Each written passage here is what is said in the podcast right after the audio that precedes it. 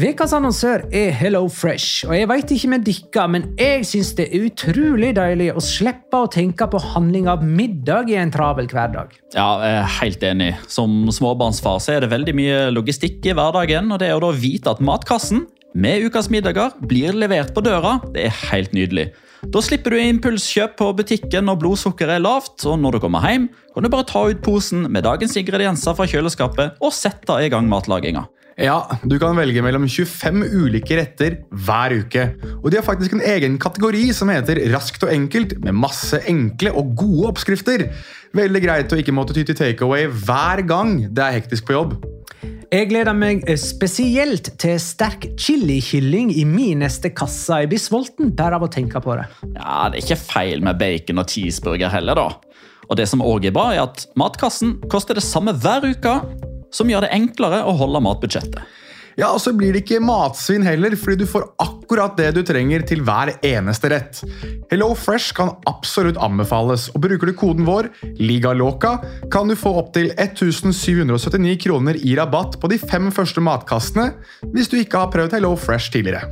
Du kan også prøve koden hvis du har avslutta abonnementet ditt for tolv måneder siden eller mer. Gå inn på hellofresh.no og bruk koden LIGALOCA. Bon appétit! Hallo? Jeg kommer fra Oslo politikammer. Ine Jansen er purk. Er du purk? The motherfucking bitch. Alt jeg vil, er å finne ut hva som skjedde med mannen min. Jon Carew. Er jeg sikta for noe? Iben Akeli. Det er du. Ole So, Lars Berrum og Big Daddy Karsten. Hvem sin side er du på, egentlig? Anette Hoff, Tone Danielsen, Kommer du fra Afrika? Jørnis Josef, Nesten. Kløfta. Trond Espen Seim. Det er synd å si det, men det var feil mann som døde. Purk. Premiere tirsdag på TV2 Play.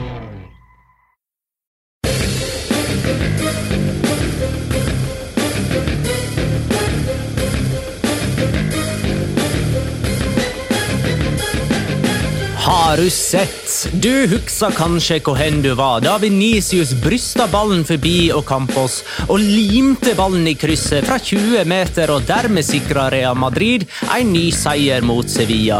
Men husker du hvor hen du var sist Sevilla vant på Santiago Bernabeu? Ikke jeg heller.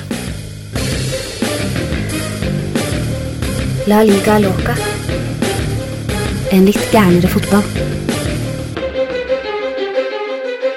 Ja, ja, ja. Dette er La Liga Loca episode 185 av det ordinære slaget med Jonas Giæver, hei. Shalom in the home. Og Magnar Kvalvik, hei. Halla, Magnar. Hei. Petter er sjuk. Uh, skal vi sende han en hilsing? Animo Petter. Hashtag Animo Petter. Uh, det eh, han kan trøste seg med, jo liksom gleden av å høre en La Liga Loca-episode han ikke har vært med å spille inn. For det har han sagt mm. tidligere, at det er jo noe av det moroeste han vet. Å høre en Liga Loca-episode han sjøl ikke var med på, sånn at han kan la seg overraske over det som kommer. Jeg tipper at han egentlig også finner en sånn fascinasjon i det å kunne ta oss på ting vi bommer på eller glemmer å utheve, eller noen 'Nå må dere si det!' og så har vi ikke sagt det, f.eks. Et, eller annet- et eller annet sånn taktisk poeng om at eh, det og det laget har skåret så og så mange mål til høyre side på TV-skjermen. Ja, Noen faktafeil kommer det til å bli her nå. Ja, ja, er du gæren. Eh, For det retta jo han oss på eh, gjennom en vanlig episode. Mm -hmm. Nå får han ta en Twitter-tråd eller noe. Han kan, det var gøy hvis han lagde en sånn Twitter-tråd alle feil i La Liga Loca-episode 185 av ordinære slaget med Magna Legg det ut for alle sine 50 000 lyttere. Hvor ille det gikk. Hvor ille det gikk. Uh, skal jeg ta en ting før vi går i gang? Følgere heter det på Twitter. Sa du lyttere? Ja, jeg gjorde faktisk det. Tenk om de 50 000 hadde begynt å bli lyttere. Det var ganske hyggelig. Ja, Det hadde vært fint. Ja. Nei, jeg tar det veldig kjapt. Uh, Quizen ruller jo videre. Vi, har, uh, vi er nå, går nå inn i uke fire, altså den siste uken av quizen. Forrige ukes quiz ble også vunnet av Moromann med den ja, smått finurlige scoren på 200 poeng. Det må være en form for rekord. og skulle- Er det en bug i systemet? Virker som det kan være en bug i systemet. Eh, for jeg tror 200 er det meste du kan få, så moromannen har tydeligvis klart å Ja, og det er liksom ikke det, det meste du kan få bare på å svare riktig, men òg jævlig hurtig, eller? Ja, jeg tror det. Ja. Jeg tror det. Ehm, uansett, han, eh, enten han har funnet en bug i systemet eller hva det er, altså poengscoren, skal sies, poengscorene på de som er topp fem er altså 190 190, 191, 195, 198 og 200. Så det er jevn som bare rakkeren. Så Moromann eh, han eh, vinner også denne runden av FC Quiz, altså La Liga Loca Quiz inne i FC Quiz. Totalt så er det Moromann som da leder med 586 poeng. Bare seks poeng bak finner Fysiker på 580, Brygga på 572. Så det er all to play for, både når det kommer til sammenlagt eh, seier og til å vinne neste ukes kopp. Så da er det gå inn på fcquiz.app slash La Liga Loca i ett ord for å være med på quizen som kommer idet du har hørt dette. Denne episoden av La Liga Loca. Stemmer. Uh, nei, men eh, skal vi gå i gang, da? da? Mhm. Med um, runde 15, kamp for kamp.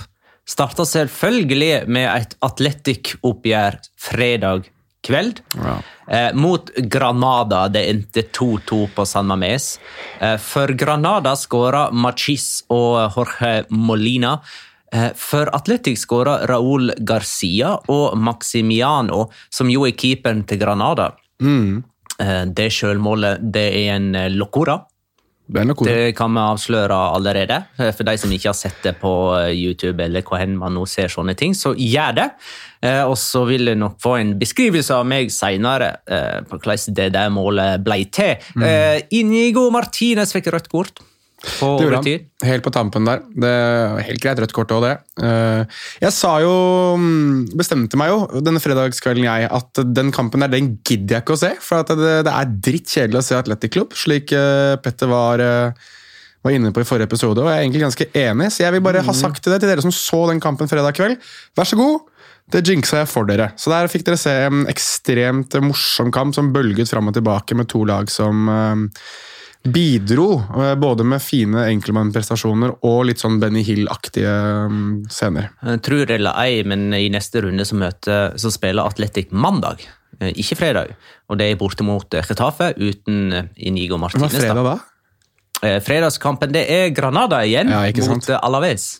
Ja, ikke sant? Fordi du vil jo virkelig se en Alaves-kamp. Kan jeg bare få tatt det veldig kjapt? Bare, jeg bare syns det var gøy, for vi har jo snakket om at Villarreal på et tidspunkt var uavgjort-lag nummer én. Eh, Nå er det blitt Atletic. Nå har de flest uavgjort, med åtte uavgjort totalt. Fire av de fem siste kampene deres har endt uavgjort. Ja. Så ja, De har fem kamper på rad uten seier. det har de òg. Eh, og det er uten å ha hatt den tøffeste motstanden i denne perioden. De har møtt Granada, Levante, Cádiz, Real Sociedad, for så vidt en tøff eh, motstander, og så Español. Og da er det egentlig snart på tide, syns jeg, å vurdere jobben eh, til Oi. Marcelino. Altså ikke stillingen hans, men altså hva syns vi sånn, egentlig Ja. eh, det går med Marcelinos Athletic. Eh, og Pedrito Numeros kjører stadig vekk tweets på hvor lav seiersprosenten hans er, eh, og den er eh, eh, lavest av alle som har hatt Atletic i mer enn 30 kamper. Seriekamper. Altså, han har ni seire på 35 seriekamper som Athletic-trener. Jeg prøver å tenke hvem Det er 25% Å, jeg husker ikke hvem det var som uh, han ligger helt likt med. Toto Berizzo. Nei.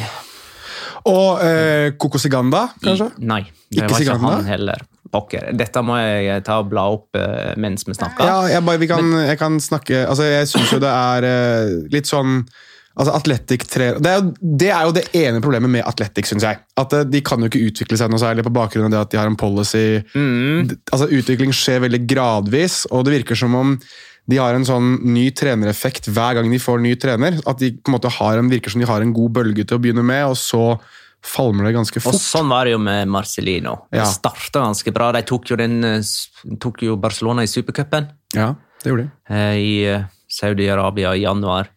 Eh, og kom jo til, eh, til disse Copa del Rey-finalene som de eh, røyk på. Stepanovic er den som har den laveste seiersprosenten sammen med Marcelino. Av alle som har hatt uh, Atletic i flere enn eh, 30 kamper. Altså, han har ni seire på 35 seriekamper, 25 uh, uh, Og eh, tenkte på det at eh, Marcelino under, som trener for Villarreal og for Valencia, de var jo så solide bakover. Mens nå eh, i denne kampen så leder jo Atletic mot Granada og slipper jo likevel de inn igjen i kampen. Granada snur oppgjøret, de slipper inn to mål hjemme mot Granada. Det er jo liksom All den soliditeten man kjenner fra Marcelinos tidligere klubber, er jo vekke. Ja. Akkurat nå, iallfall. Skal sies at den ene skåringa, altså 1-1-skåringa, det er jo en enorm enkeltmannsprestasjon av Dory Machista. Den er Ja. fantastisk, den skåringa, faktisk. Eh, kampens fineste. eh, Raúl Garcia skåra. Han har skåra 104 mål i premiera. Eh, 52 av dem før han runda 30, og 52 av dem etter at han runda 30. Så han har skåra like mange på fem år som 30-åring, hadde jeg nær sagt, Ja, ja, ja. som på de tolv åra før han runda 30. ja det er vel Ganske imponerende. som en fin vin. Blir bedre med årene. Han er en god vin, det er og Jorge Molina, som er den eldste eh, som har skåra i La Liga denne sesongen, med 39 år og 218 dager. Ja. Gammel, gammel og god. Eh, 117 mål har han etter at han runda 30, men det er jo i- inkluderer segunda divisjon, da. Okay. Skal vi hoppe videre, eller? Alaves Celta Vigo 1-2.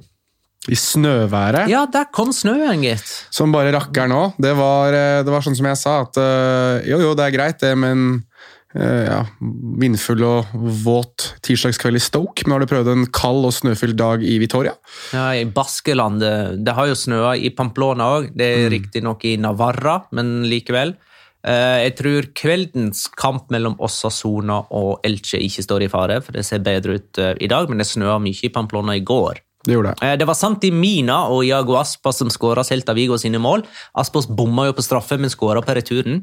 Og så var det Joselo som skåra for Alaves. Denne seieren for Celta Vigo betyr vel at Eduardo Codet overlever november som Celta Vigo-trener. Ja. Eh, Og det vil i så fall være første gang siden 2017 at eh, Celta Vigo ikke sparka en trener i november. Men det er et lite forbehold, for Celta Vigo møter i morgen kveld, og da er- snakker vi altså 30. november, Ebro i cupen. Fra Ebro fra tredje nivå. Mm. og det, det er avspark klokka ni eh, på kvelden. Og hvis Celta Vigo taper den kampen, så har de én time. time. på seg på å sparke Kodett før midnatt 30. november. Det er en liten mulighet der. Halmstrå, Magnar? Det er halmstrået. Ja. Celta Vigo har tatt fem poeng hjemme og elleve borte. ja, jeg syns um, Altså, jeg liker ikke, jeg liker ikke Alaves, det gjør jeg ikke. Det vet alle som hører på disse podcastene. Jeg syns de er forkastelige å se på.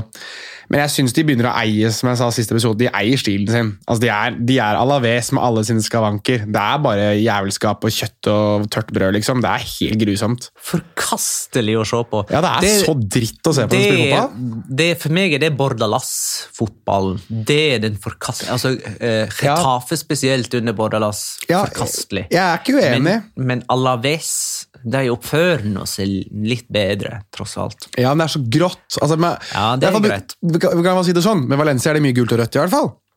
Det er det. Det er det. Men, eh, men de ligger, de Det var det med Getafe òg. Ja, for så vidt. Nå ligger de på 15.-plass, uh, Alaves. Så Det, men jeg, jeg hørte at det var snakk nå om, om Alaves har en eh, Hold deg fast Joselu Dependencia. Ja, det har de. Og han ville ikke høre snakk om det selv, forståelig nok. Han vil kanskje ikke snakke seg selv opp, men altså syv skåringer nå i La Liga så langt. Altså, det er like mange som Luis Suárez, da ikke den colombianske, men den uruguayanske utgaven. Uh, Raúl Tomàs står også på syv skåringer. Uh, han ligger foran typer som Mikkel Orazabal, riktignok ute med skade en stund. Jago Aspas, Arnautan Juma, Falcao, Rafa Mir. Alle de ligger bak Joselu. Han ligger da uh, ett poeng, eller ett, en scoring bak Memphis Depay, eksempel. Altså, det er en type, altså, For et lag som ligger på 15.-plass, å holde på sånn som han gjør, det er ekstremt imponerende. da. Han er tidenes mestskårende for Alaves i Primera nå, med 29 mål. De, ja, jeg skal akkurat si, de kan ikke ha hatt mye målskårere. Delt med Javi Moreno. Ja, ikke sant? Um, Men da er vi ferdig med den kampen. Det kan vi være. Det kan vi være. Valencia Rayo 1-1. Carlos Soler skåra på straffe for Valencia. Sa du Violencia nå? For Valencia. Ja, Violen Violencia er jo vold på Sier Violencia. Ja, men det passer bra, det, da. Ja, det er mye Violencia på Valencia. Det er det. Jeg syns det var en litt merkelig straffe der jeg fikk der, jeg. Og jeg tror det første året var offside. Ja, det, det var uheldig. Jeg husker ikke hvem det er som tråkker på Ogodoro der, men det er, det er jo klønete. Nei, Det er en som skal sparke ballen, Ja, det og så treffer han eh, foten til Ogodoro. Men det er jo Ogodoro sjøl som strekker ut foten der eh, i Sånn. Det er det. Den er det. Eh, Men Easy Palazón utligna for uh, Rayo. Altså, så du den avslutningen til Katena i forkant Mm. av skåringen? Det var fantastisk! Det er utrolig avslutning. Forklar den. Nei, det, det skulle, Jeg skulle akkurat til å si det. Den klarer jeg ikke å sette ord på. Nei, det er jo, Bare for å ta det veldig kjapt for de som ikke har sett det, da. Bare sånn først, Katena har en avslutning som Sildesen redda, og så skåra Isi Palazon på returen. Ja. Men å forklare den uh, avslutningen til Katena, det klarer jeg faktisk ikke. Nei, Det er vrient, men det er bare altså det er en, uh, Jeg skal bare forklare veldig kjapt hva, hvilken kroppsdel det er som måte er involvert. Det er jo hælen til Catena som ser ut til at den på en måte klakker til ballen. Altså det er, nei, Den er vanskelig å forklare.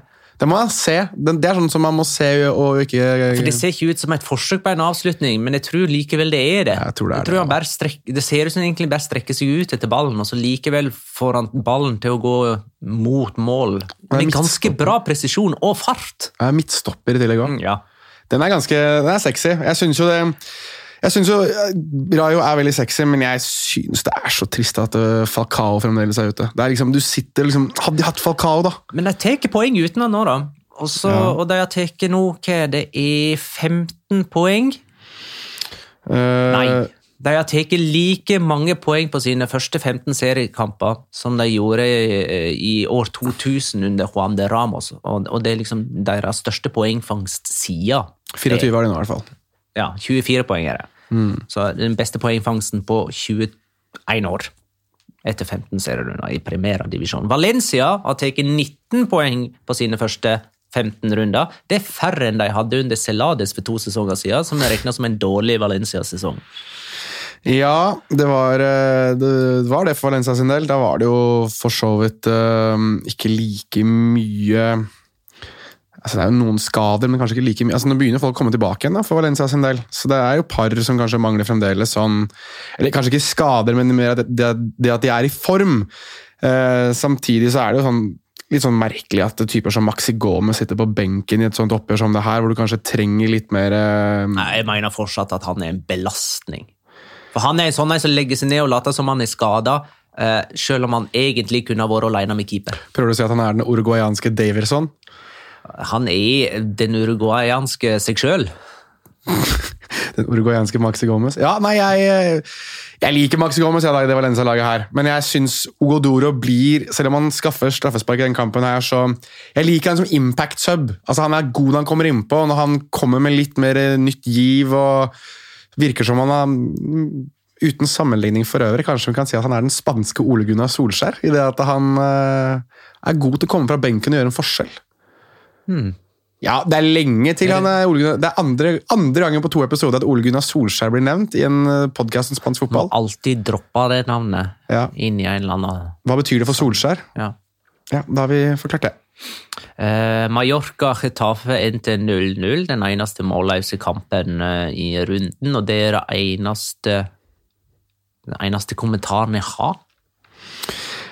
Ja, vet du hva? Eh, det oppgjøret så jeg, og det skulle jeg ønske jeg ikke gjorde. For at det er Så ikke du forrige Jo, eh, forrige kamp vant de jo 4-0. Da nominerte vi jo hver vår Getafe-spiller til rundens spiller. Ingen av de er nominert den, den runden her, for å si det sånn. Det her var en fotballkamp som egentlig kunne forbigå i stillhet. Bare for å ta altså, noe av statistikken her. da. Til sammen så ble det skutt 23 ganger av disse lagene. Til sammen. To av de traff mål. To av 23 skudd traff mål. Begge var Mallorca-skudd, riktignok. Og det, altså, det her var en så døll og kjedelig fotballkamp.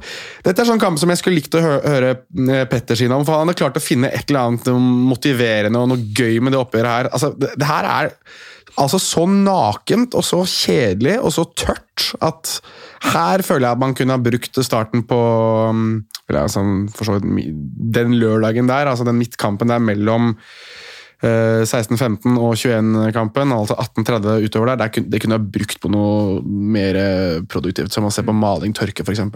Men det at eh, de holder nullen i to strake kamper, må jo på en måte bli det eneste poenget å ta her, da. Ligger fortsatt på nedrykk.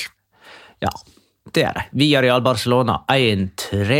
Frenke de Jong, Memphis Depay og Filipe Coutinho skåra for Barcelona. Chukwueze for Villarreal. Seks av seks mulige poeng altså under Xavi for Barcelona. Kommer tilbake til den kampen. Real Betis Levante 3-1. Juanmi med hat trick for Real Betis etter at skåderen Mustafi hadde sendt Levante i ledelsen. Det var eh, Juanmi sitt første hat trick etter 295 offisielle kamper som profesjonell. Ja. Og eh, Apropos, du, du tok jo eh, eh, Joselu og satte han i sammenheng med de, de store stjernene her og antall skåringer. Eh, Juanmi har jo åtte mål, og det er jo bare Benzema og Venicius som er framfor han som på toppskårerlista i eh, La Liga. Han er likt med Memphis Depay. Det er helt riktig, og han har en kamp mindre spilt enn Memphis Depay òg.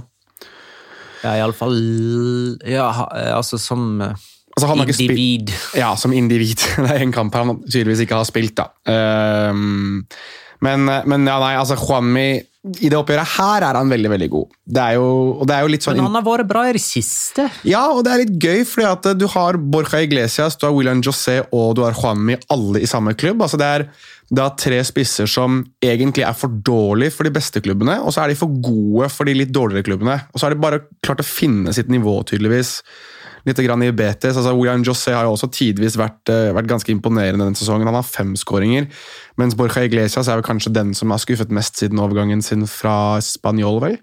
Ehm, så jeg, jeg, jeg mener jo at, eh, at Juanmi i det oppgjøret her også hjelpes litt av at han har eh, en enormt god eh, lagkamerat i Nabil Feker. altså det Nedtaket før han spilles opp på andreskåringa si, altså nedtaket fra Feker, er helt sensasjonelt. Ehm, så det er et, eh, et Betis-lag som, eh, som virkelig eh, kan blende når de først blender, og så er de litt sånn De har jo gått nå, siste fire så er det vel to seire, to tap, så det er litt sånn blanda drops. Ja, for det hadde den der forferdelige veka der de tapte mot Atletico og mot Sevilla og i Europaligaen imellom der. Eh, Og så har de jo kommet seg nå, da. Styrmann skriver Han er jo Real Betis-fan. Ja. Det lå lenge an til peak Musho Betis og Tapa mot ligaens dårligste lag, altså mot eh, Levante. De lå under. Men så klarte de å snu det. Er det bevis på at Betis faktisk har noe der oppe å gjøre? Eh, Og da kan vi jo nevne at Betis er nummer fem på tabellen, bare poenget bak byrival Sevilla, som eh, er på fjerde. Sevilla har en kamp mindre spilt, men likevel. Eh, eh, interessant, potensiell interessant duell der. Ja. Eh, Større sannsynlighet for at Sevilla og Betis kjemper om fjerdeplassen mot slutten av sesongen enn at Sevilla er med i tittelkampen, som det du og Petter har Ja, du, du ler det bort. Vi skal, vi skal innom eh, Sevilla etterpå, åpenbart, men det hadde vært litt morsomt hvis Det er jo selvfølgelig litt sånn Lollapalooza, men det er vel kanskje den sesongen der det kan gå. Altså, Hvis du får både Betis og Sevilla inne blant topp fire sammen med Real Madrid og Atletico Madrid, det hadde vært litt moro hvis du har liksom to Sevilla-lag og to Madrid-lag. Det kommer ikke til å skje, men det er, um, det er greit, å, greit å ha poengtert. Men jeg, han sier at det, det lå lenge an til Mors og Betis. altså det var i det 54. minutt at Juanmi skåret utligningsmålet, og ni minutter etterpå så hadde han snudd oppgjøret. Og da var det en halvtime igjen av kampen, så jeg vil ikke si at det var så veldig Altså, De spilte mot Javier Pereira sitt lag. selvfølgelig kom de, altså Alle kampene til Javier Pereiras lag slipper altså Det er masse masse mål. Er ikke han allerede i trøbbel? Jo, han er det. Det var vel det Var det ikke Kadena Kåpe? Jeg så Petter delte det på,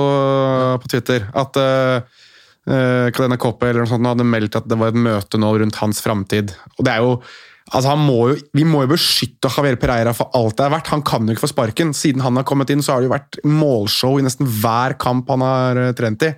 Kun den der 0-0-kampen mot Atletic som, eh, som ødela. Da var det vel mye vann på banen, hvis jeg ikke husker helt feil. Så nei, han må jo beskytte med alt det er verdt. Men eh, grunnen til at jeg har litt tro på at Betis er der oppe før å bli, da, det er jo at de har gjort det bra hele 2021. altså De har gjort det bra i ganske lang tid. Det er jo ikke bare i denne sesonginnledningen. Også, men så taper de jo alltid mot uh, de større.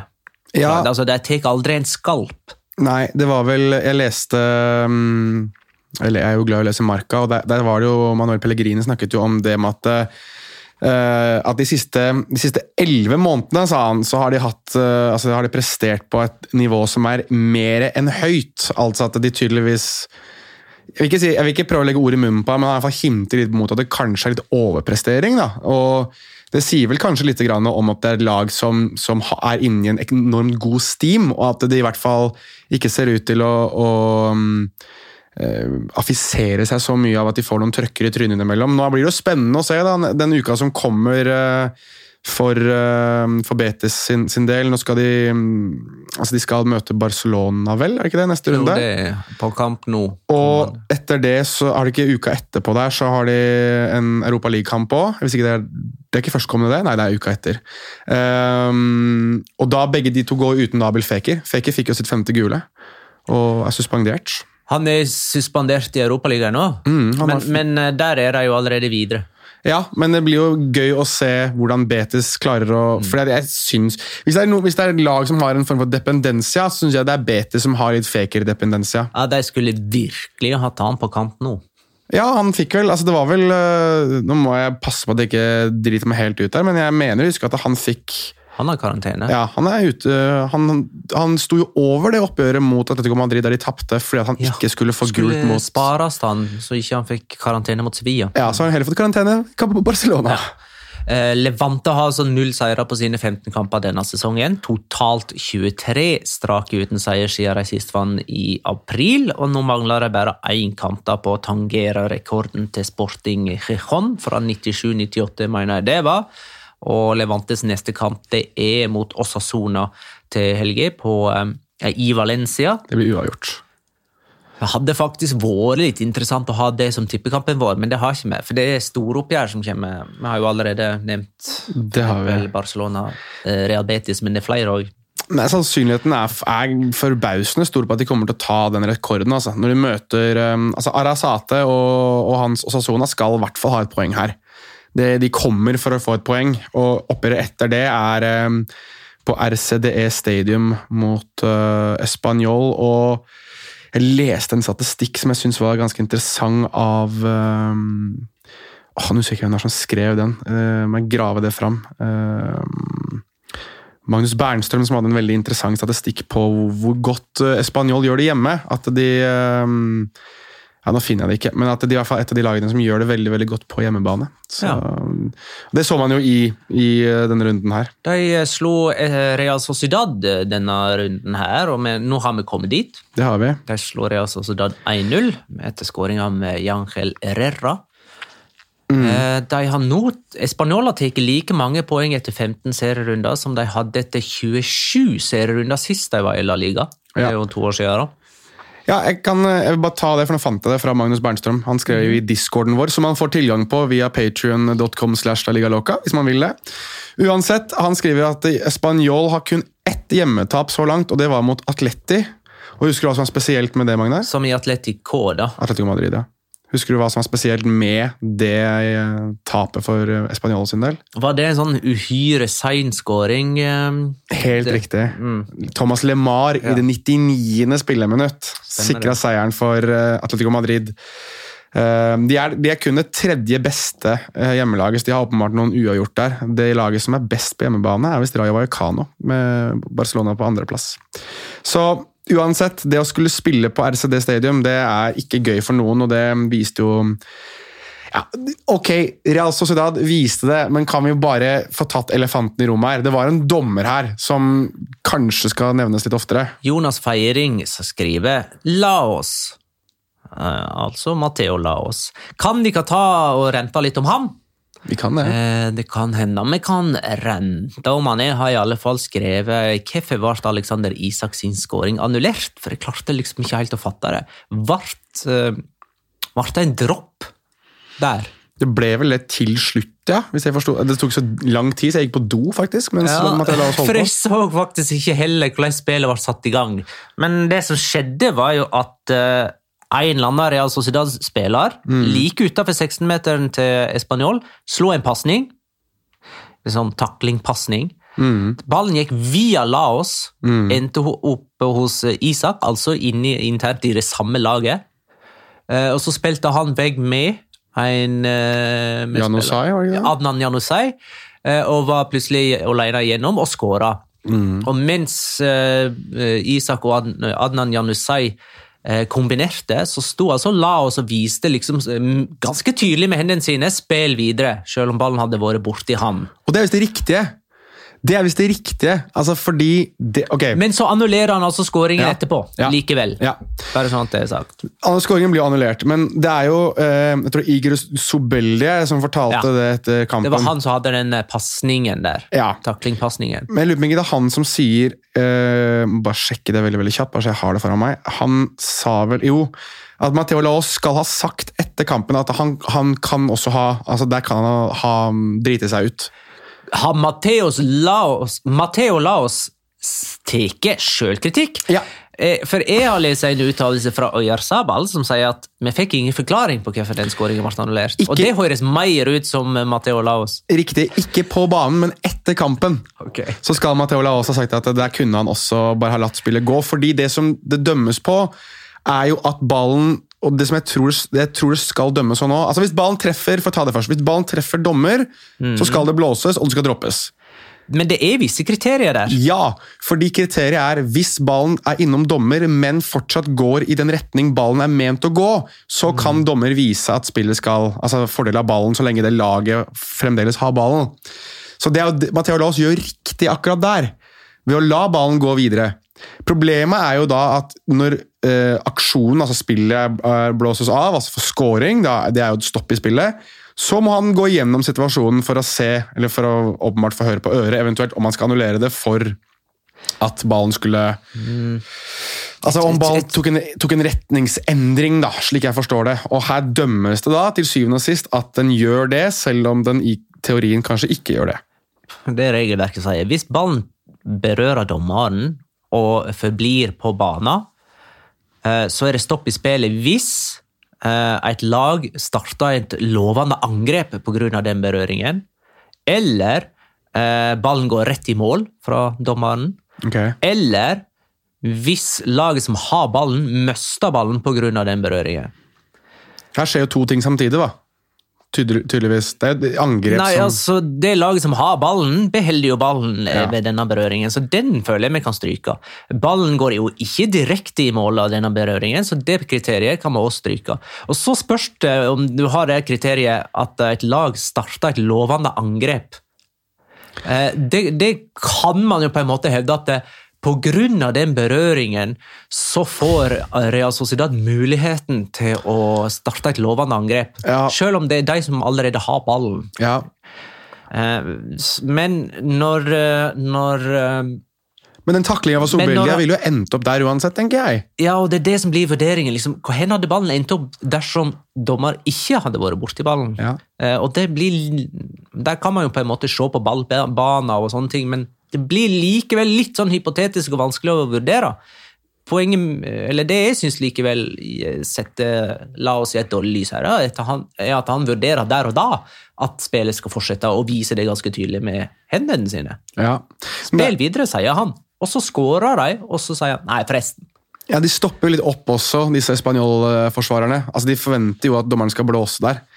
Er, du ser i hvert fall, Hvis du ser reprisen fra det ene kameraet, så ser du at det er et par av spillerne som egentlig står og titter på Matteo Laos istedenfor å spille videre. Og Nå, skal man jo, nå er jo regelen sånn at du spiller til dommeren blåser, men fremdeles Eller det er ikke en regel, men det er kanskje en uskreven regel at du burde spille til dommeren blåser. Men, øh, men det gjør de jo ikke her, og at de rett og slett øh, virker litt sånn ufokuserte, og da lar Den skåringa til Alexander Isak er uhorvelig enkel, da, syns jeg. Altså rett etterpå. Så Jeg vet ikke helt, men det er Matteo, det er, det er Matteo Laos show, da. Altså, det, holdt, det skulle gå i fem minutter, der, Magnar. Fem minutter tok de! Han skulle drive og tulle Jeg, jeg så en artikkel i Marka der de hadde forhørt seg med fire tidligere dommere. Tre av dem mente at han gjorde feil, mens han eh, gode gamle Itoralde Gonzales. Gonzales mente han gjorde riktig. Selvfølgelig mente Itoralde Gonzales det. Um, dette var Real Sociedad sitt første tap i La Liga siden seriepremieren mot Barcelona, og det høres på en måte ikke så aller, aller verst ut, da. Men det er liksom De har bare én seier på de siste seks offisielle kampene sine. Det er inkludert Europaliga. Og det ser liksom ikke så bra ut. Nei, det gjør ikke det. Sociedad. De har klart å på en måte lure til seg en 1-0-seier i, i ny og ne etter å ha spilt 0-0 til pause, og det kunne man på en måte mistenke at de skulle klare her òg, men det er noe haltende med alt, og nå halter det jo da i motsatt retning. Så det, det, og så er det jo skader og fravær og alt det der som på en måte gjør situasjonen så ustabil for dere. Det. Ja, altså nå hadde jo Sist, sist oppgjør de hadde også, så hadde de jo mm, åpenbart de spilte 0-0 hjemme mot Valencia. Der fikk de i det som ble jo en slags form for kortmassakre til slutt. der. Det var jo så mye kort at det var helt grusomt. Eh, og tapte den påfølgende kampen mot Monaco, og så taper de nå mot Español. Nå skal det jo sies da, til deres forsvar jeg vet ikke hvor mye forsvar det egentlig er, men, men altså, de mangler jo både Miquel Merino, som i deres treners ord er den beste spilleren i La Liga. Imola Alguacil har jo sagt det, at han mener at Mikkel Merino er den beste spilleren i La Liga. Ja. Det er selvfølgelig, Du er litt svekket når den beste spilleren i La Liga ikke er på banen. uh, og David Silva er heller ikke med i det oppgjøret her. Så det er to spillere som Tunge fravær. Det er to veldig tunge fravær. Det er to veldig tunge fravær, og, og um, At de starter med Alexander Isak på benken nå, det er jo en annen ting. Altså, det var jo Alexander Sørloth som starta her. Ja. Så, så det, det er litt som jeg, sånn som jeg har sagt eh, om, om Real Sociedad flere ganger, at de mangler bredde. da. At Når de beste spillerne deres er ute, med all respekt å melde til de som er innpå her, altså Sørloth, Ande Guevara eh, og hvem blir sistemann da? Skal vi si Jan Osai, da kanskje, eller Porto? Istedenfor David Silva. Da, at de, de ikke klarer å eh, leve opp til det de tidligere spillerne gjør, da, eller de som, de som er førstevalgene. Det, det er det som er eh, det store ankepunktet mot hvorfor Real Sociedad egentlig slik det er nå, ikke kan utfordre for topp fire-plasseringer eller low and behold seriegull. Fordi de, de rett og slett ikke har bredde. Og så får de besøk av Real Madrid til helga. Eh, Cádiz Atletico 1-4, faktisk. Eh, Atletico har faktisk en tendens til å skåre fire mål bort mot eh, Cádiz. Det gjorde de i fjor òg. Lem... pauseresultatet, ta det, ja. 0-0, Ja, helt riktig. Eh, Lemar, Grismann, Korea og Cunha, faktisk, mm. skåra for Atletico Madrid. Også og så s- tror det var Carrasco som fikk sjølmål eh, på den reduseringen til Cádiz. Blir det Nei, det kan det jo ikke være. Det, det, det var en kjempemerkelig eh, Jeg tror det var et innleggsforsøk via en Atletico Madrid-spiller, og så fikk ballen en voldsom spinn og en voldsom båge, og så gikk han inn via på en måte kryssstanga. Eh, Ja, Jan og. Jan Oblak eh, får det som en tabbe. Eh, Som på en måte forlenger litt det inntrykket man har av at han er ikke helt seg sjøl om dagen. Men jeg syns den så kjempevrien ut. Jeg vet ikke hva en keeper skal gjøre. When in doubt, punch it out. Jeg tror han prøvde på det, Eh, men siden han ikke klarte det, da, så kanskje vi kan Ja. Ja, Det er en kardinalfeil av Jan Oblak, det er det. Ok. Ja, men hallo! Jo, eh, Av og til så er sånne innleggssituasjoner kjempevanskelig. Altså, jeg, jeg skjønner at det ikke er lov å score fra død vinkel, og det er ikke lov å score i keeperhjørnet og sånne ting. Det, Ja. det er ofte at keepere har på dette her på seg. At det, ah, han slipper inn i keeperhjørnet, dårlig keeper. Eller han slipper inn på et direkte innlegg fra corner, eh, dårlig keeper. Men noen ganger så ser det jo bare helt utrolig vanskelig ut å gjøre noe annerledes enn Ja. keeperen gjør i en sånn situasjon. Men dette er verdens beste keeper. Altså, han må... Ja, greit nok at eh, keepere driter seg ut innimellom. Vi så det i Copa Libertadores-finalen òg, der keeperen til Palmeiras dreit seg ut, f.eks. Altså, han lot Gabriel Barbosa skyte i nære hjørnet. Men her er det liksom Det er Jan Oblak, da. Ja, så Det blir liksom etter hans egen standard. da. Så, Ja. Eh, Riktig. Hadde det vært Manuel Neuer også, så hadde det vært akkurat samme oppstandelse. Det de hadde det vært Diego Lopez, så hadde det vært greit. eh. Sergio Herrera. Det hadde vært det hadde forventet. Ja, det er sånn der, eh, det er sånn én på XG, ja, riktig. den situasjonen der. Helt riktig. Se, det er, den var um, litt sånn merkelig, men samtidig så må du da si at sted, altså, Man skulle forvente at Atletico Madrid for der er, det er vel på stillingen, der blir vel stillingen 1-2. Altså, det er vel en redusering, er Nei, det jeg, ikke tror, det? jeg tror Atletico leder 3-0 her. faktisk. Var det det? Ja, De gikk i hvert fall rett opp og skåra igjen etterpå. Det var sånn, Ja, det, ja. Fra avspark så gikk de bare og banka inn Ja, en jeg mener det var Cunha som satte inn 4-1. Ja, det var... Kanskje det er Lozano Noen har satt Lozano som målskårer for Cádiz, men kan jo umulig bli kreditert sånn Kanskje ballen var på vei mot mål? Nei Da Nei, samme det, ass. Men, jeg, men eh, det jeg syns var veldig um, Altså Jeg la veldig merke til da, reaksjonen til Diego Simione på 1-0. Da han setter seg tilbake og bare puster ut. Bare sånn, Det var bare sånn At det var sånn Åh, Så deilig at vi endelig fikk den skåringa, liksom. For det er åpenbart at I første omgang så stanger de og stanger de, og stanger de, og det er egentlig ganske dårlig første omgang. Det var vel ikke et skudd på mål verken eller av veiene, tror jeg. Det var en kjempekjedelig Nei, jeg tror ikke det var skudd på mål i første omgang. Nei, det var en dårlig førsteomgang. Uh, og en førsteomgang som egentlig var i Kadises tegn. Men, uh, men så får de en relativt tidlig scoring i andre, og det er jo litt sånn som Alvaro Cervera sa også, at når den første scoringa kommer, så Nei, det er bare, de bare faller sammen. Og Han sa jo etter kampen at han, han blir bekymra for absolutt alt sammen. Altså det er sånn, Vi, vi har inge, ikke noe godt reaksjonsmønster når vi ligger under på noen Jeg elsker Alvaro Servera, for han er så ærlig. Og sånn, nei, vi vet da faen hva vi gjør når det blir, eh, når det vi slipper inn mål. Vi har ikke noe kontroll, liksom. Så han var litt, han var litt på den eh, Litt sånn på krigstid mot eget eh, Altså egentlig mot egen coaching. Det var ikke så mye at han tok eget lag, men, men det var, var interessant å lese, og at der, derfra ut så så ble det enklere, i hvert fall, for Atletico Madrid. Og du ser jo det at når de spiller, tør å spille litt mer framoverretta, får opp spillere høyere i banen jeg synes den, Hvis Konya skal spille litt sånn Roberto Firmino-rolle der foran, sånn som han gjorde i det oppgjøret her, så Jeg hadde ikke tenkt at han skulle ha en sånn rolle. Nei. Går han an å ofre for Luis Suárez? Nei, altså går det an å ofre Luis Suárez for eh? Jeg Ja, det burde gå an. Eh, Den tid Luis Suárez er litt i den derre Og det det er, Sånn er Luis Suárez hver sesong. Altså, nå, nå, bare for å rette på meg selv, for jeg begynner å slakte han sånn som jeg har gjort eh, hver, hver sesong siden 2017-sesongen. holdt jeg på å si. Eh, Eller 2017-2018-sesongen. Eh, Han har alltid perioder hver eneste sesong der han går noen kamper uten å score. Sånn er det alltid. Hvis de kan erstatte det med det uh, Konya åpenbart har i seg, som er en litt sånn Firminosk rolle, som jeg fikk se en smakebit av her, så kan det være riktig så spennende for Atletico Madrid, men de må klare å få flere av de nye signeringene sine inn i spillet. Rodrigo de Paul igjen, bånn i bøtta. Jeg, jeg, og jeg skjønner hvorfor folk kritiserer han, men han får liksom ikke det er så store strekk da, i det laget der. Altså, det, forsvarsmessig så er det vanskelig å vite hvor du har Atletico Madrid. Det har vi jo sett gjennom hele sesongen. Midtbanen er litt sånn De virker som om de spiller litt der det er plass til dem. Og angrepet er Ja, det er to eller tre spillere som løper litt rundt og gjør som de vil. Det er liksom, det er ikke noen rød, og det er så rart, for at Atletico Madrid har alltid vært det laget som har hatt en rød tråd i alt de har bedrevet. Mens nå har du fått inn veldig veldig gode fotballspillere som kan gjøre veldig mange ulike ting, men det virker som de blir bedt om å gjøre alle de tingene samtidig hver eneste kamp. Og det går ikke.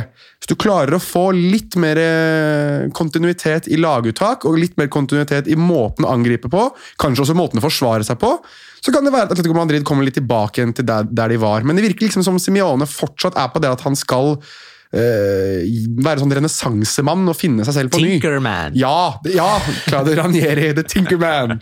Eh, Antoine Griezmann skåra i denne kampen. Han hadde ikke skåra på Cádiz før. Og Cádiz var ett av to lag han ikke hadde skåra mot, av de han har møtt. Eh, Så nå gjenstår det liksom bare ett lag han har møtt og aldri skåra på i La Liga. Vet du hvilket lag det er? Nei, jeg prøver å tenke her nå. Han har møtt deg tolv ganger som Real Sociedad og Barcelona-spiller. Ja, det er det ikke jeg da er det, det er det vel ikke Elche, nei. Um, eller er det Elche? Nei. Hør på hintet. Han har møtt deg tolv Ja, jeg ganger. prøver å tenke. Det var ikke, Han har møtt ja. deg tolv ganger som Real Sociedad og Barcelona-spiller. Ja, men Jonas, da må det være Atletico Madrid, sant? Ah, den var, det var, vet du hva, Magnar? Veldig god. Ja, veldig god. Veldig, veldig, veldig bra. Veldig, veldig bra. Og det, og det kommer han nok ikke til å klare heller, tror jeg. Jeg tror at hans neste klubb mest sannsynlig er i Frankrike. Ja, det kan godt Ja. Bra, Magnar. Jeg likte den. Mm. Litt sånn mindfuck for eh, meg på en mandag. Bra, det. Real Madrid-Sevilla 2-1. Eh, Rafa Mir sendte Sevilla i ledelsen. Benzema og Venicius snudde det for Real Madrid, som dermed øker avstanden ned til lag nummer to på tabellen, ettersom Real Sociedad tapte mot eh, Español. Real Madrid har nå ei luke på fire poeng ned til Atletico og Real Sociedad, som har like mange på plassene bak. Eh, eh, Sona Elche har vi ikke sett. Den blir nemlig spilt mandag klokka 21. Eh, Elche sparka Fran Escriba for ei drøy uke siden og har ansatt Francisco. Som ser ut som ei yngre utgave av Fran Escriba. Det er lov til å ta feil av de to. Egentlig på alle tenkelige måter. Navnet er ganske likt, de ser ganske like ut. Eh, Og har egentlig en lik profil som trener. Ikke noe prestert noe. Skal jeg, skal jeg komme med en litt sånn klein innrømmelse her nå? Skal jeg komme med en klein innrømmelse? Kom. Ja, uh, jeg eh, så at uh, jeg, Altså, Vi vet jo at Fran Eskelblad var ferdig, og så ble det jo ansatt ny trener nå. Og da jeg så Ettersom du var inne på det, de ligner veldig, Ja. så hadde de ansatt Francisco. Og da var jeg sånn Har de ansatt Fran Escriba igjen og kalt han Francisco istedenfor? Reansatt samme mann. Bare angra seg. Tok en via Real. Hvem var det de gjorde det med? Var ikke det Fran Escriba, da? Nei, og Calleja. Var det Calleja de gjorde med? Ja, de sparka Calleja, så ansatte de han Luis uh, Enrique. Nei. Luis Garcia Plaza, Luis Garcia som er i Mallorca nå. Og så uh, har vi Calleja igjen. Eh, ansettelsen av Francisco er på en måte veldig sånn antiprofil sammenligna med ryktet om Hernan Crespo som Ja. gikk. Ja, altså det var jo Erdan Crespo og Jorge Almiron var jo nevnt som, en, som at han kunne være på vei tilbake hjem til Elche. Det var jo noen som prøvde å, å plassere Marcelo Gallardo inn i den miksen der òg, fordi han er argentiner og nettopp har vunnet uh, ligaen med River Plate, så nå forventer man at han forlater klubben. Men uh, så fikk vi altså Francisco, som uh, Og Almeria, var det han har vært innom? Jeg Tror han har vært innom Almeria. Francisco? Ja. Ja, Girona Nevnte du dem? Nei, men jeg mener jeg husker at jeg har sett han koblet med, eller vært i Almeria. Jeg lurer på om han trente, trente de i La Liga sist gang de var oppe. Ja, men det er sånn, Han er sånn der bunnen av La Liga, toppen av um, Segunda-trener. Ja, for øvrig, eh, før du går videre fra Elche, de var jo nære ved å ansette en annen trener, de, for det falt i grus. Så du hvem det var? Eh, nei. Eh, nei. Pablo Machin. Ja, ja. mm. Pablo Machin var nevnt igjen, så de som lurte på lever av Pablo Machin, ja da, og han var veldig nærme å ta over Elche, og så falt avtalen i grus. Litt sånn som alle lagene hans faller i grus. Så det var greit at det var kanskje før, eh, før han tok over en klubb, at det eh, gikk åt skogen. Så da slipper vi Machin-fotballen i den eh, søramerikanske konklave, bedre kjent som Elche. ja. Men han, han ligger nå og lurer der i Ja, ja, ja, ja. Er du gæren? Som... Celta Vigo ryker nå mot Ebro. Du, du har jo eh, Levante kommer til å ansette han. Ja, og eh, Granada Ja, Jeg, hå- jeg håper de ansetter han i så fall. Men du har jo tidligere Granada-trener, Diego Martinez. Ja. Han er jo up for grabs. Så eh, er ikke det bare for Celta Vigo å sparke av Kodett? Bare. Jo, Jeg, tror, jeg, jeg tror vi skal bare la den ligge, for det at vi må nesten gå uh, dypere inn på de store oppgjørene som var. Du har ikke lyst til å snakke mer om treningssituasjonen til Elche? altså? Nei. Nei, vel, ok. Vi må snakke mer om uh, Real Barcelona og Xavi sitt Barcelona, som um, jo blir analysert opp og i mente daglig. Ja. Eh, De vant altså på La Ceramica her, eh, Barcelona. Det er første gangen denne sesongen at de vinner to strake La Liga-kamper. Eh, Det var òg første borteseier i La Liga denne sesongen for eh, Barcelona. Og så er spørsmålet om dette var en god Barcelona-kamp, eller om de ble redda av defensive feil hos Villarreal. For eh, i alle fall, de Altså, det står jo 1-1 her. I det Chukwueze utligna vel kvarteret før slutt. Og Kort tid senere så har Estopinjan en kjempetabbe Ja. som fører til Memphis Depay sin 2-1-skåring. Og så lager jo Foyt straffe, som Filipe Coutinho setter inn. Eh, Og Flor de Xavi har vi jo allerede nevnt. altså det, med å- det spanske uttrykket for å ha gullhår i ræva. Ja, altså Vi kan jo ta det bare for nye lyttere. da. Jeg regner med at nå kommer jeg til å foreslå at vi er ferdig med episoden, at episoden heter La Flore til Chavi. Uansett, så Det det, det går ut Ja, jeg ser Magna rister litt på huet. Altså, tenk, tenk, tenk, litt på det, Magna. på det. Tygg litt på den. Uh, altså det kom jo, La Flore de Chavi kommer jo litt fra La Flore de Zidane. Altså Ja, ja. Zidane hadde jo samme type flaksen i sin uh, tidlig, og egentlig også da han kom tilbake til Real Madrid, så hadde han jo veldig mye enkeltsituasjoner og tilfeller som var litt fordelaktige for ham, som kunne gått litt i begge retninger. Og Xavi begynner å ha en del av de. Han hadde jo også en i Champions League, med Harry Seferovic åpenbart som bommet på åpent mål. Det var også en sånn del av La Florida Chavi-opplegg. Og så har du da altså Pervis Estupinjan her. Altså, lukk igjen beina dine, da, mann, så går ikke den ballen der i mål. Altså, det er Ja, men han, han eh, Det er vel der han står på streken ja, på avslutningen. Men det er jo et utspill fra Ter Stegen som eh, Ja, da, han den i- Estopinian hedda mot eget mål. Ja, da, han gjør det òg, men det, jeg synes, men det bare I samme angrepet, altså. Ja, men det bare oppsummeres med bare lukke igjen beina, så går det her fint, liksom. Ja. Men, eh, men det er jo Men hvem er det som trener Villarreal? Det er Ona Emeri. Og når er det det slippes inn mål som leder til seier til Barcelona? Ja, siste kvarteret, cirka. Det er i det 88. minutt. Ja, ja. eh, Men jeg, sånn i Emeri eh, Statistisk, da, så er det det siste Jo, jo. kvarteret. Og, Og, og hva skjedde tidligere den uka? Nå er vi i ny uke, men hva skjedde tidligere den uka med Una Emer, Emeris Villarreal? ja, Der skåra vel Cristiano Ronaldo i det 77., var det? Der har du det. Eh, og det Xavi Xavi sitt Barcelona har nå sleget Español, som jo aldri slår Barcelona. Og de har sleget Villarreal eh, med trener Unai Emeri, som jo aldri slår Barcelona. Eh, er Emeri-lag har 28 kamper mot Barcelona og to seire. Han vant en gang med PSG, og så tapte de vel returoppgjøret. Mm. Dette var i Champions League, og så vant han en gang med Sevilla i 2015 eller noe. Så han har en helt vanvittig latterlig statistikk mot Barcelona. Så egentlig så har jo Xavi nå da vunnet kamper som Barcelona pleier bare å ta. Ja, for så vidt. Men, Men, da, da frarøver vi vel kanskje mye av æra, eller? ja, jeg syns ikke det er så mye å hente ut av Barcelona riktig ennå. Jeg syns det er for tidlig å si så veldig mye om dem. Um, men jeg, jeg, jeg noterer meg at det, virker som det er Barcelona som spiller med mer, de spiller med mer selvtillit. da. Altså, De virker som om de har mer uh, moxie, for å ta et engelsk begrep, enn det de har hatt tidligere. Altså, De faller ikke bare sammen hvis de slipper inn et mål. eller Det er liksom, det er litt mer eh, pondus ved dem nå enn det det har vært før.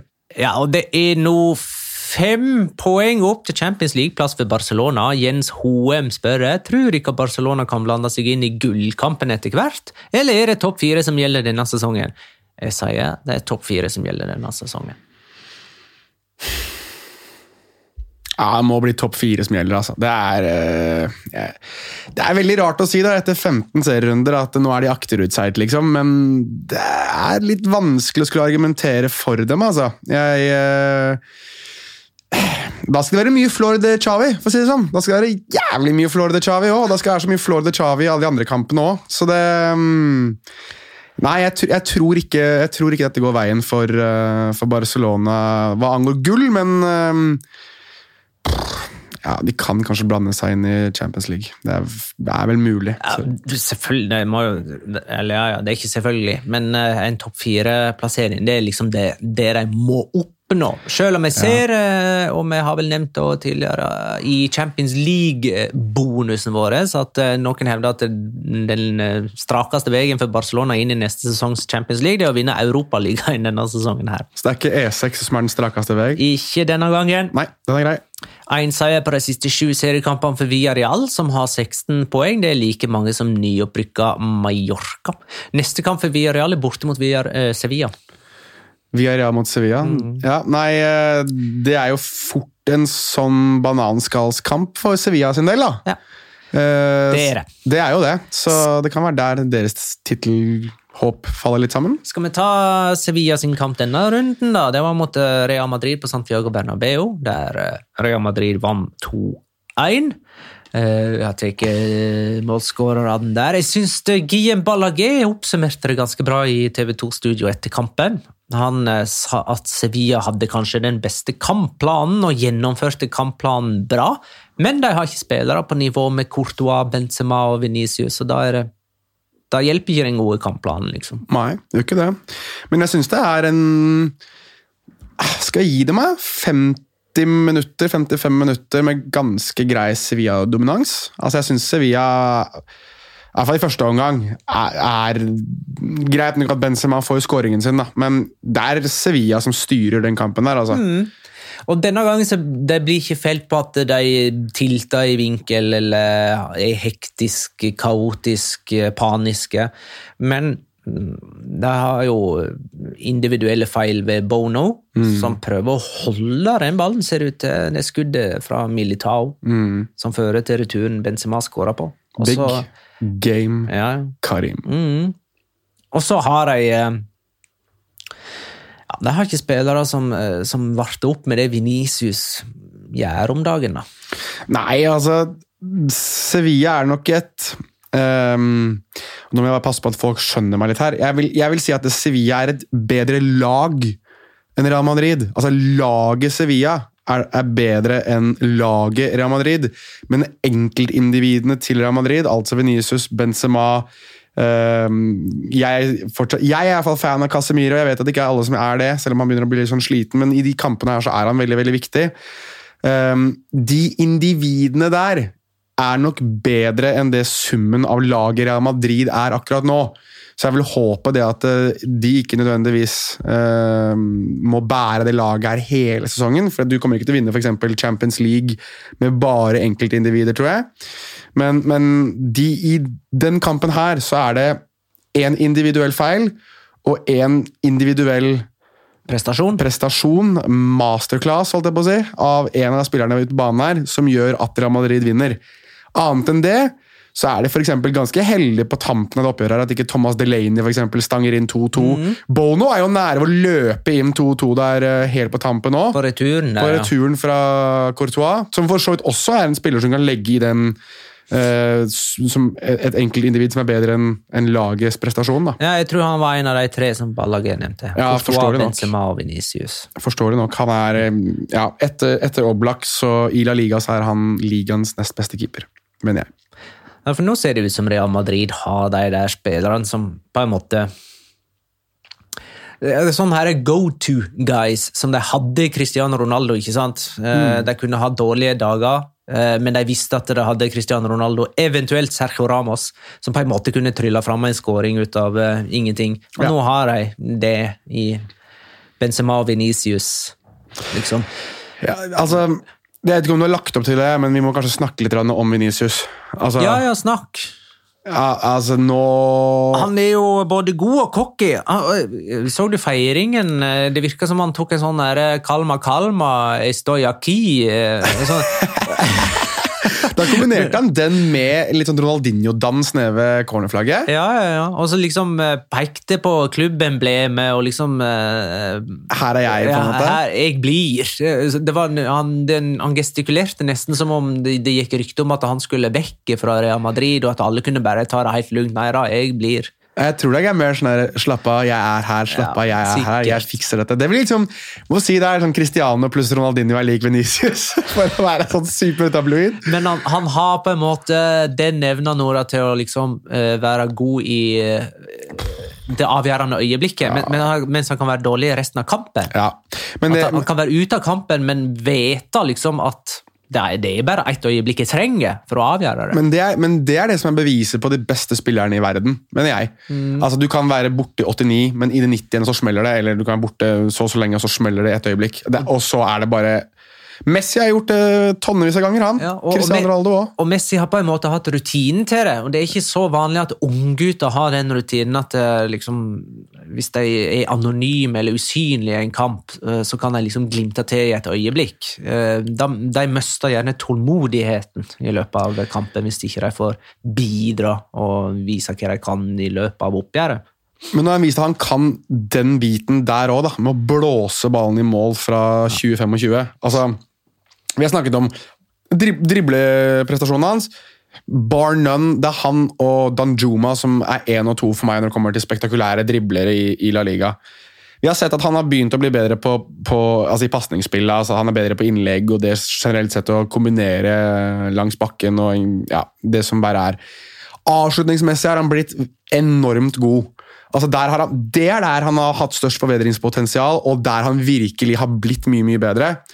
Men nå begynner vi å se at han også kan skyte fra distanse. Eh, det begynner å bli litt sånn Hva er det han mangler for å bli kategorisert som en spiller i den absolutte verdensklassen?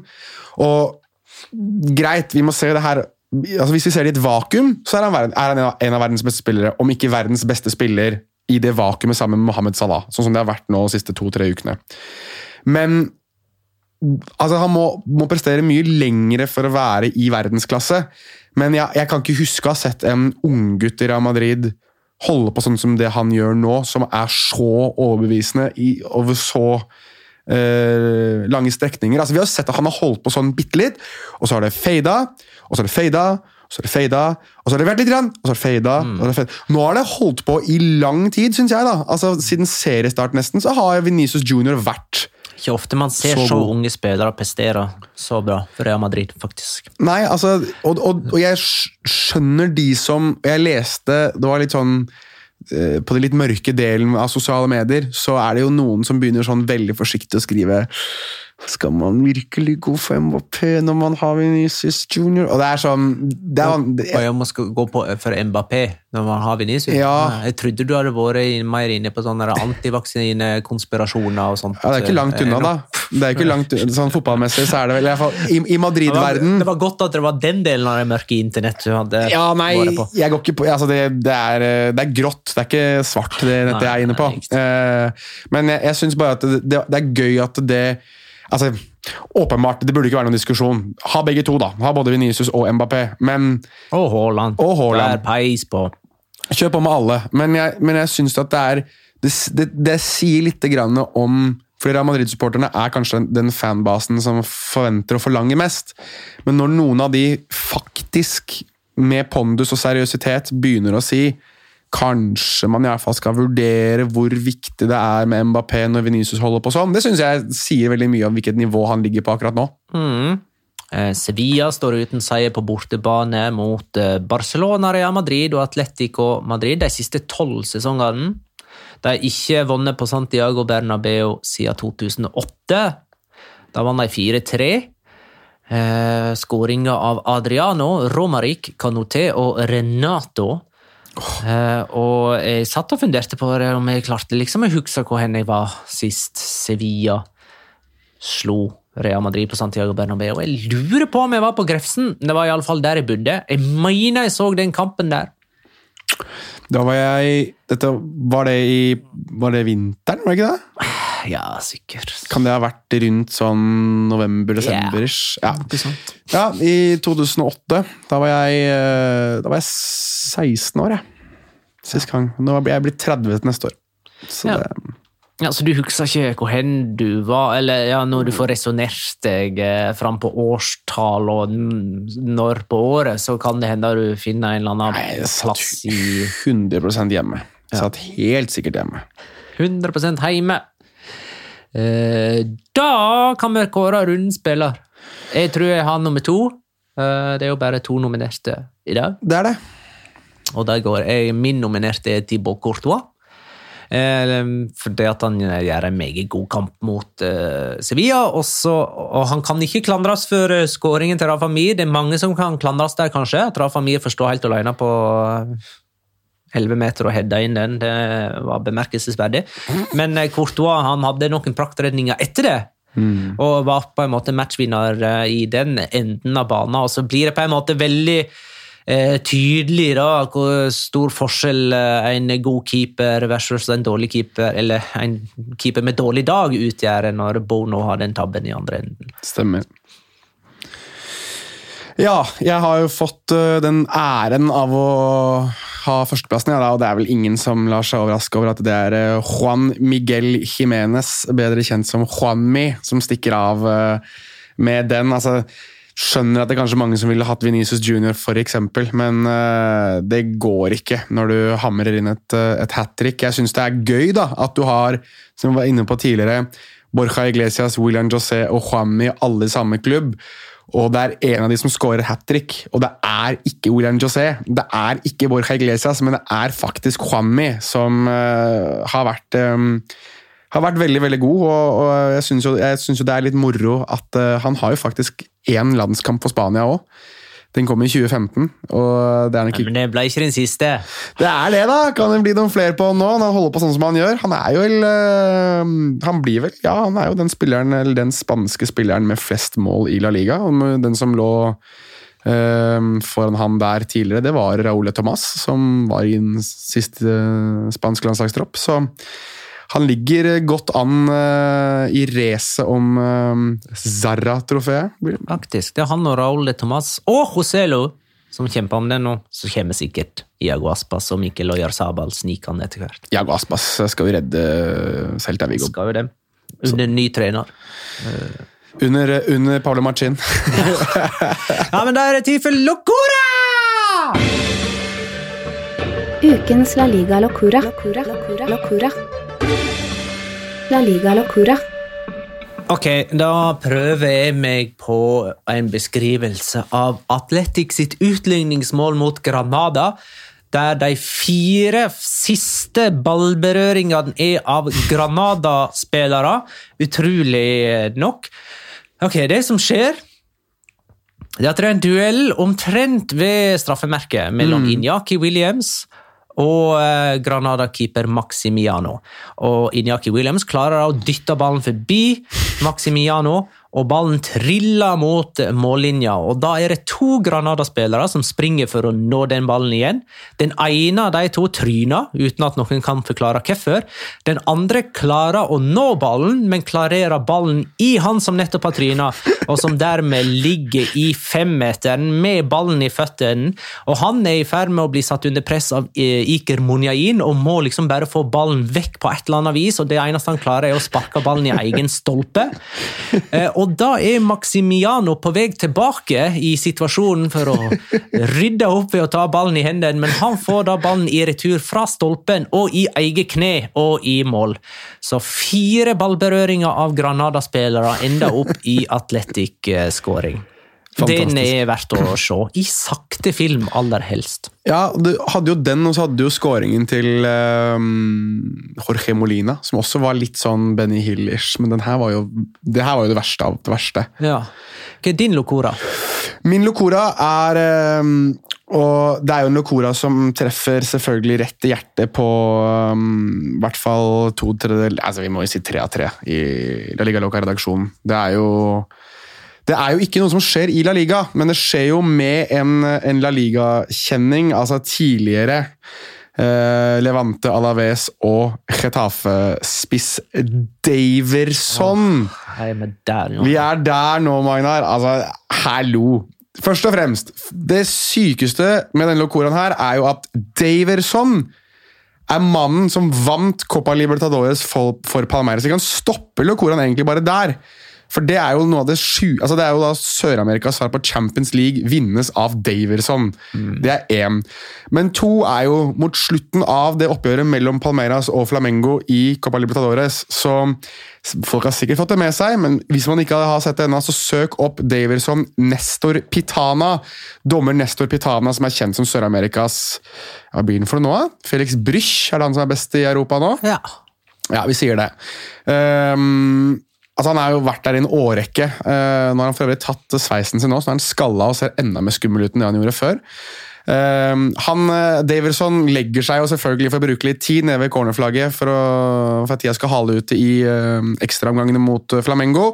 Og Idet han reiser seg opp igjen, så klasker da Nesto Pitana litt på sida. Sånn, Kom igjen, kom deg opp! Og Gjør han en dytt. en liten dytt, og så kaster Daverson seg og uh, later som om han regelrett har blitt skutt. Eh, det er ikke det at det er en motspiller som har vært borti han, slik, eh, eller medspiller, som vikingspillerne kanskje kan snakke om i disse dager, men faktisk dommeren som eh, leder til at Daverson kaster seg. Vi gratulerer Daverson både med mm, et nytt viralt YouTube-øyeblikk, og også som vinner av Copa Libertadores 2021. Greit, da skal vi tippe. Eh, forrige kamp var Real Madrid-Sevilla, som endte 2-1 til Real Madrid, med Rafa Mir som første målskårer. Jeg hadde 2-1 til Real Madrid med Venicius som første målskårer. Det gir meg tre poeng. Petter hadde altså. 2-1 med Benzema som første målskårer, så han nå får tre poeng. Jonas hadde 1-1 med Diego Carlos som første målskårer, og dermed så får du null. Jeg har hørt på den episoden en gang til, bare for å høre hvem som var nevnt, og Petter nevnte Rafa Mir til meg og sa nei, han starter vel ikke engang, sa jeg. Så drittlei. drittlei. Du får gode tips her fra oss, inn fra sida, men du tar ikke dem. Nei, nei, nei. Eh, sammenlagt så har jeg 20, Petter har 8, og du har 4. Og neste kamp har vi bestemt er Real Sociedad mot Real Madrid lørdag kveld klokka 21. Og jeg sier 1-2, og Oyar Sabal som første målskårer. Petter sier 0-1 og Benzema som første målskårer. Jonas. Jeg kan ikke falle helt bak, så jeg sier eh, 0-2. Og første målskårer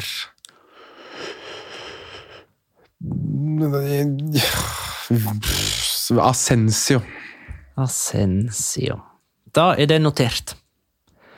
Alright, jeg har ikke mer på tapetet. Det har ikke du heller. Nei, jeg tror ikke det. Gå inn på fcquiz.app slash ligaloca for å spille quiz etter at du har hørt denne episoden. Der har du det. Takk for at du lytta, kjære lytter. Ha det da.